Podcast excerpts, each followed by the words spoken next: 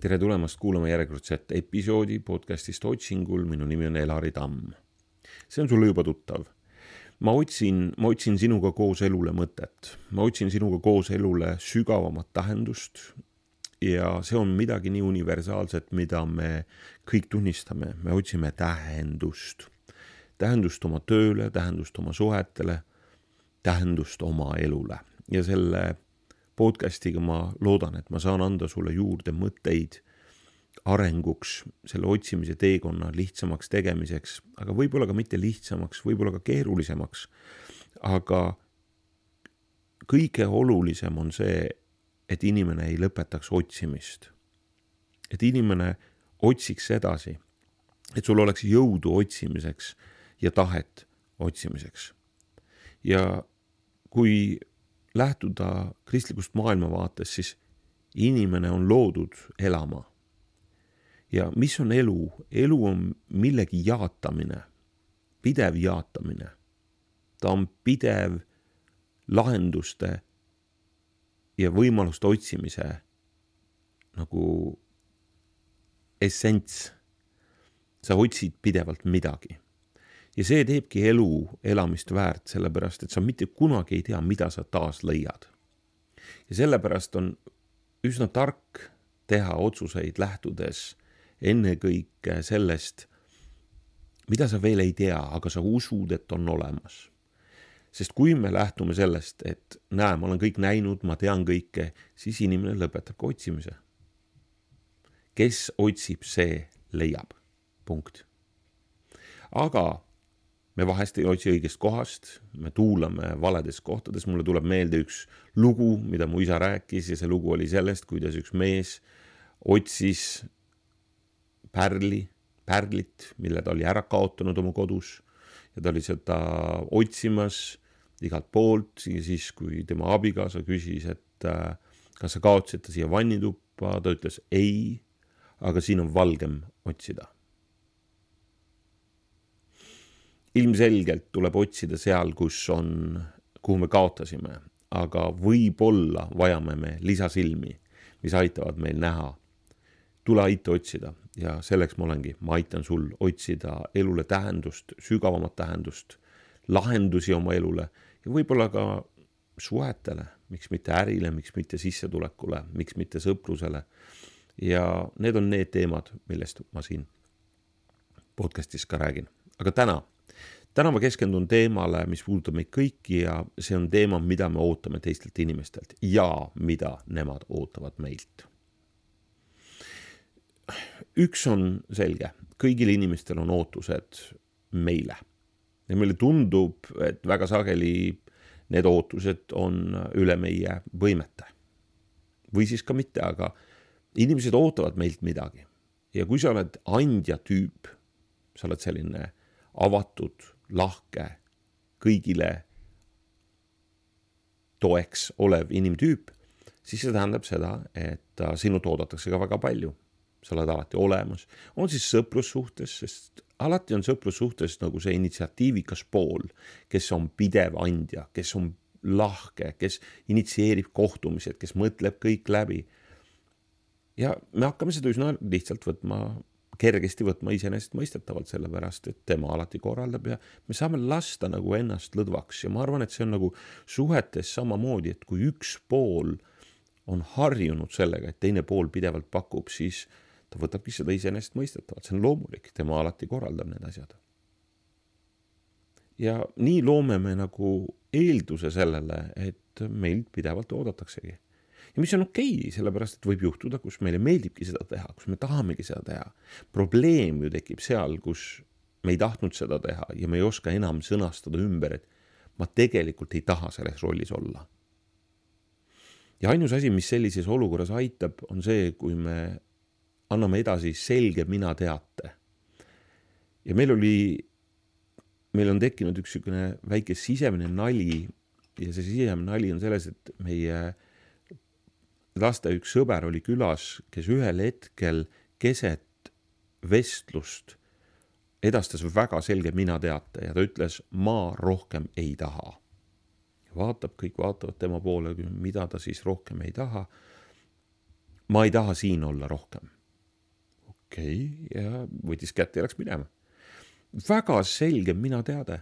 ja sa võid ju öelda, et see ei olnud nagu väga, ma ei tea, kultuurne või, või ilus või viisakas, aga kas on viisakas see, kui me teeme asju ilma armastuseta, ilma tõelise soovita teenida. ma ütleks, et see ei ole mitte viisakas, vaid see on silmakirjalik. kui inimese süda on kuskil mujal ja ta püüab aidata ja teenida ja olla abiks, siis see on silmakirjalik. see on nagu selline peale surutud äh, mittesiiras armastus ehk siis on asju muidugi, mida me peame tegema, on asju, mida meilt oodatakse, mis on seotud meie vastutusega ühiskonna ees. sa küsid, mis see on, see on, see on kasvõi seesama vastutus mitte varastada, vaid välja teenida ühiskonna ees. aga siis on sellised, mida meilt oodatakse ühiskondlikus mõttes võib ju juhtuda, et meilt oodatakse ebamõistlikke asju, meilt küsitakse või on, või on siis nagu sellised kirjutamata ootused ühiskonna poolt meile. no näiteks, mis need võiksid olla? see sõltub, kui me võtame teise maailmasõja, ma tean, keegi ütleb, et miks sa sinna äärmusesse pead minema, aga ühiskonnad ei pruugi alati olla terved ühiskonnad ei pruugi alati küsida või oodata mõistlikke asju oma kodanike käest, see sõltub. nägin just hiljuti klippi Instas, kus äh, tuletas meelde, ma olen seda varem, seda testi näinud, kus palgatakse näitlejad ja näitlejad on äh, arsti eesruumis ja iga kord, kui kell heliseb, siis näitlejad tõusevad püsti ja kui kell enam ei helise, istuvad maha, korraks tõuseb püsti ja istub maha. ja siis sinna tuleb sisse üks suvaline inimene, kes kogu seda pilti nähes hakkab tegelikult selle järgi käituma. ühel hetkel tõuseb püsti, nagu kõik teised, istub maha, teadmata, miks keegi seda teeb. ja nüüd hakkavad näitlejad vaikselt vahetuma tavaliste inimeste vastu ja lõpuks needsamad tavalised inimesed teevad täpselt sedasama asja, teadmata, miks nad seda teevad. kogu ühiskond loob ootusi meie ees, mis on sõnastamata tähendusega, miks me seda teeme. ma väidan, et seda on väga raske muul moel teha, kui me ei oma väga selget maailmavaadet kogu lääne jõukuse, kogu meie lääneliku maailma moraalse, eetilise kohtusüsteemi aluseks on juutlik kristlik maailmavaade. sa võid selle vastu vaielda, ütled, et aa, Elari, see on iganenud, maailm on kogu aeg muutunud. tõsi, mida rohkem maailm muutub iga päevaga, seda olulisem on keskenduda nendele asjadele, mis ei muutu.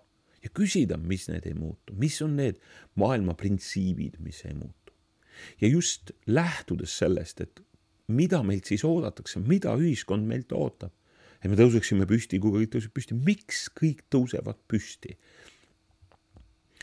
ja maailm ju ei julgusta neid inimesi, kes on või, või, või need inimesed ei saa aplausi, kes on selles maailmas nagu rebelid, kes küsivad kriitilisi küsimusi, et miks need asjad nii on, miks me nii läheneme asjadele vaid ikka, et kuule, jäta järgi ära, kasvõi seesama, mis tänapäeva maailmas toimub, sooneutraalsuse küsimused. oh, me oleme progressis, see kõik on progressi osa. see on progresslik maailmavaade, maailm läheb järjest paremaks, selle maailmavaate aluseks on see, et ühel hetkel inimene on nii, nii haritud kui mõistlik, et maailm on väga hea. ja inimene on hea inimene on oma loomult hea. ja siis oodataksegi sellelt healt inimeselt kõige aktsepteerimist. ja me jõuame sellise nimeni muidugi nagu või nimega sõnani nagu tolerants ja nii edasi, aga ma, ma täna sellesse ei puutu. ma, pigem küsimus on selles, kui ühiskond seab meile mingeid ootusi või inimesed ootavad meilt mingisugust käitumisviisi, tuleks ikkagi olla kriitiline. mõelda, mida me teeme mis on selle maailmavaate aluseks? kas see on mõistlik? on sellel mingid juured? ootustel on mingid juured, nagu ma ennem seletasin, ma olen kogu aeg nii teinud, nii on tehtud. aga ka küsida, kas see on, see on nii nagu traditsioonidega, et miks need traditsioonid toimivad. mis on nende traditsioonide taga? kõik traditsioonid ei ole halvad, vastupidi, nad loovad turvalise konteksti meile, meie, meie suhetele, on see siis jõulud, on see siis jaanipäev on need sünnipäevad. kõik traditsioonid ei ole halvad. aga kui me vaatame revolutsiooni, siis revolutsioon on just läinud ennekõike traditsioonide kallale. mida me siis ootame teistelt inimestelt? Ja mida inimesed ootavad meilt, ma olen praegu keskendunud sellele, mida nad meilt ootavad, nad ootavad meilt kaasas käimist, mitte pidurid olemine. pigem status quo'ga leppimist. aga me vaatame nendele asjadele peale, mida inimesed meilt ootavad ja küsime, kas see on mõistlik. mitte ainult mulle, see ei saa olla isekas ainult, aga see peab olema siiras. kas ma saan täita neid ootusi rõõmsa südamega, täis armastust, täis indu ja kui ma ei saa seda teha, siis sellel peab olema suurem kasu, üldisem kasu, ühiskonna heaolu, pikem heaolu, mitte lühike. sest ma võin ju kõigega nõustuda, kui inimesed ootavad mult, et ma kinnitan, et oi, see on väga hea, et juute tuleb hävitada, nii nagu teises maailmasõjas, sõjas see oli, no siis, siis see on väga lühike vaade ja see on destruktiivne. see on väga halb, see on moraalselt, see on moraalselt vale nii et kui suhetes, sõprussuhetes meid oodatakse teatud asju, on see siis kaasaminemine mingi pidutsemisega või seesamad, need teemad, mis puudutavad kaasaminemist mingi mõtteviisiga, et, et olla populaarne. inimesed ootavad seda minult, sa ei kuulu muidu sellesse gängi. Siis siin ma julgen öelda, et anna selge mina teade, ei see ei ole mulle. ei, see on vale. ja seda meilt ei oodata. täidame inimeste ees neid ootusi, mis tulenevad kõrgemast kutsest panustada ühiskonda, selle, see oleks jätkusuutlik näiteks, mida inimesed meilt ootavad. Nad ei sõnasta seda, aga meie asi on teha tööd. kuus päeva nädalas üks päev puhata. hiljuti küsiti minu käest, miks kuus? kolm, neli. see on metafoor sellest, et inimene peab tegema tööd, sest kui ta ei tee tööd, teeb ta rumalusi. ja üks päev puhata tähendab seda, et inimene ei tee mitte midagi, võtab vastu ta ei taastu, aga ta võtab vastu. ta võtab vastu kõike head. nagu ma olen mõelnud sellele sellises kaunis võtmes, et kui ühel päeval nädalas sa ei paku midagi, vaid sa lased päikesel paista enda peale. kristlastel on selle nimeks hingamispäev, see on päev, kui sa hingad omast vaevast ja lased oma Jumalal taastada. sa annad kõik ära ja saad vastu palju enamat.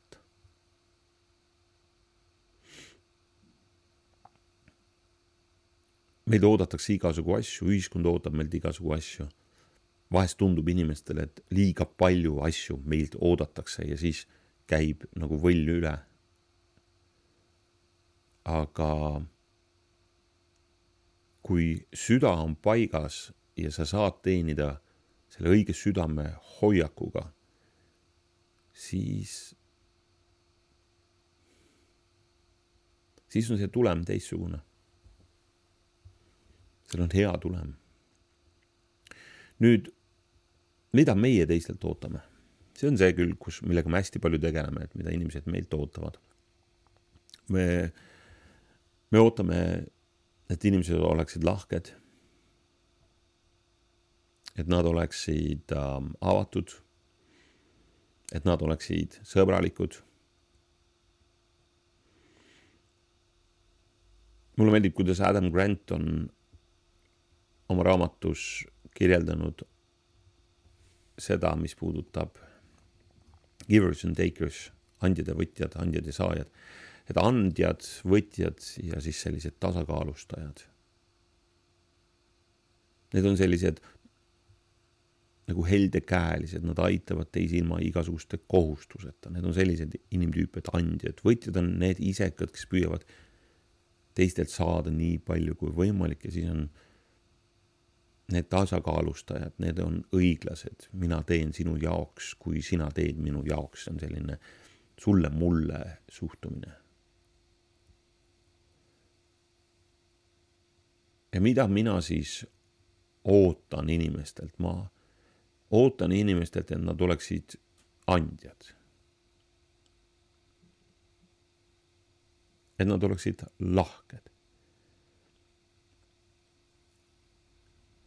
ja see ootus, mis mul on taas inimestele. nii et kui ma ennem lõpetasin selle, et minu ootus inimestele või ootused inimestelt mulle võivad olla natukene isegi kõrgemad ja ma ei tea, kas ma suudan neid täita. Aga kui me jõuame nüüd selleni, siis mida mina ootan inimestelt, siis me jõuame täpselt sama vastuseni, ma ootan inimestelt liiga paljut. ja see võib tähendadagi seda, et tekib topeltmoraal, kus mina ootan inimestelt väga palju, aga ise ei suuda nii palju anda. see ei ole nii mustvalge. mida inimesed meilt tegelikult ootavad, on see, et nad tahavad näha autentset meid. Aga ma annan aru, tänapäeval on väga keeruline olla autentne sina, sest on see ühiskondlik püsti-istu loogika, et kõik praegu tõusevad, siis sina pead ka, sa ei saa teistmoodi käituda, see on läbi erinevate uurimuste toodud esile, et teisiti mõtlejad kannatavad selles maailmas erakordselt palju. aga selge minateade peaks seda muutma. ei, ma ei ole nõus sellise asjaga, see pole jätkusuutlik, see pole õige, see pole moraalselt õige. no kes oled sina, et sa ütled seda, et see pole moraalselt õige, täpselt nii. selline vastupanu ootab kõiki neid, kes tegelikult vähegi suu lahti teevad, mõtlevad, analüüsivad ja näevad, okei okay,, kõik panevad kuristiku poole, ma ei pane.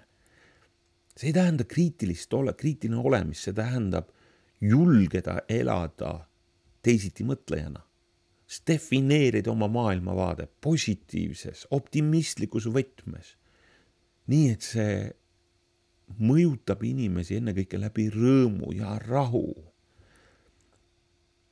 mitte läbi kriitika üksnes. me oot-, meil on kõrged ootused inimestele, aga endale. aga mida ma endalt ootan, me ootamegi, me, kui sa oled perfektsionist, siis sa ootad, et sa täidad perfektsionistlikult kõike. sul on võib-olla isegi arusaam järsku iseendast kui perfektsionistist, psühholoogid tegelevad selle iseenda pildiga. iseenda armastajad mida ootavad iseenda armastajad teistelt inimestelt? noh, maksimaalselt. et neid armastatakse, aga ega see ei tähenda, et nemad armastavad teisi maksimaalselt. ja siin ongi see vastuolu, see, mida me ootame teistelt ja mida oodatakse meilt, ei ole omavahel kuidagi kooskõlas. ja see vajab adresseerimist, see vajab adresseerimist ja kuidas. tee teistele seda, vastupidi, ära tee teistele seda, mida sa ei taha, et sulle tehakse. see on piibli kuld. mitte salm, aga selline kuldmõte. Ära tee teistele, mida sa ei taha, et sulle tehakse. hoidu nendest asjadest, mida sa ei taha. jookse minema kui sa ei taha, et teised oleksid kitsid, ära ole ise kitsi. kui sa ei taha, et teised sulle halvasti ütlevad, siis ära ütle teistele halvasti. kui sa ei taha kiusamist, siis ära ise ka kiusa. ja see panebki tegelikult kogu selle raskuse natuke meie ise enda peale selle vastutuse, kohustuse võtmes, et kui me tahame teatud õigusi, siis me peame võtma vastutust. ja siis tekivad kohustused. ja see esimene vastutus on iseenda ees, mina. et selge mina teada, mina vajan muutust, minu süda vajab muutust, mina vajan paremat elu, et ma saaks pakkuda paremat elu. Kuidas siis öelda? kogu muutus algab minust. Pole vaja minna maailma muutma, nende ootusi korrigeerima, mida nad minult. kui sa tahad maailmale pakkuda paremat ennast, siis see algab ju meist. siis see algab sellest iseenese peeglisse vaatamisest. nüüd lahenduse pakkumine kui ma tahan olla see lahke annetaja ja ma ei taha olla kitsi, ma ei taha olla selline, tollane ja kolmas, siis on oluline küsida, milliseks ma võiksin muutuda või kuidas ma saaksin olla keegi teine või midagi muud. see ei ole ainult peegli ees, et olen selline, olen papagoi, olen papagoi, olen papagoi, et me ei muutu ei papagoiks ega tiigriks ega millekski teiseks. see tähendab seda, et meie süda peab muutuma. ja kuidas muutub inimese süda? kristlikus maailma käsitluses, maailma võtmes muudab südant Jumal.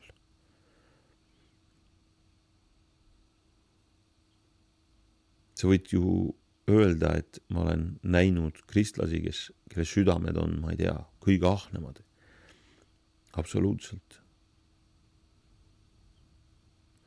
on inimesi, kes ei käi ei oma usu järgi ega oma sõnade järgi või oma tegude järgi ja see ei olegi alati võimalik, kristlane ei ole ideaalne inimene või inimese prototüüp.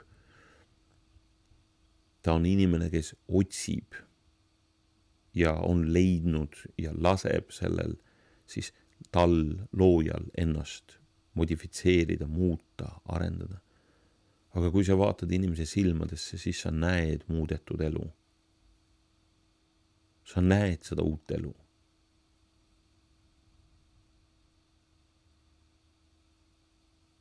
meie ootus elule, meie ootus teistele inimestele ei peaks olema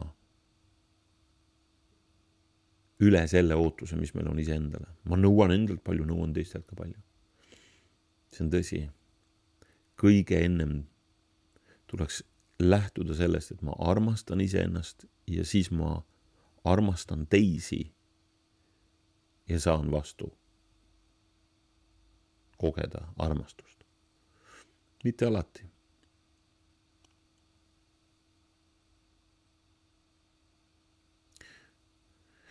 kas mina olen avatud ja lahke inimene? ma küsin seda enda käest. ma olen palunud Jumalat, et ma võiksin olla avatum ja lahkem, et mu süda oleks avatud ja lahke.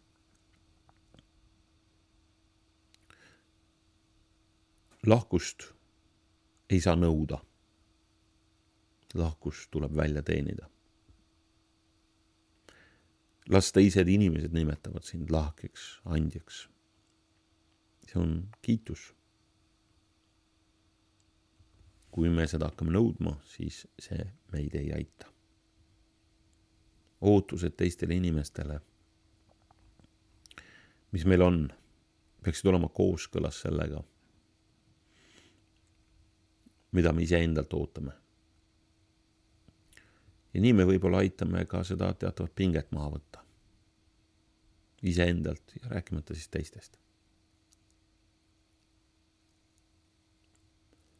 Need olid tänased mõtted sellel teemal, mida me ootame teistelt inimestelt ja mida nemad ootavad meilt. võib-olla mitte päris sellises võtmes, nagu sa eeldasid, aga tuli sellises võtmes, nagu mina seda esitasin. suur aitäh kuulamast. see oli järjekordne episood podcast'ist Otsingul. otsi paremat elu, otsi elu eesmärki. sa leiad selle, sest kes otsib, see leiab.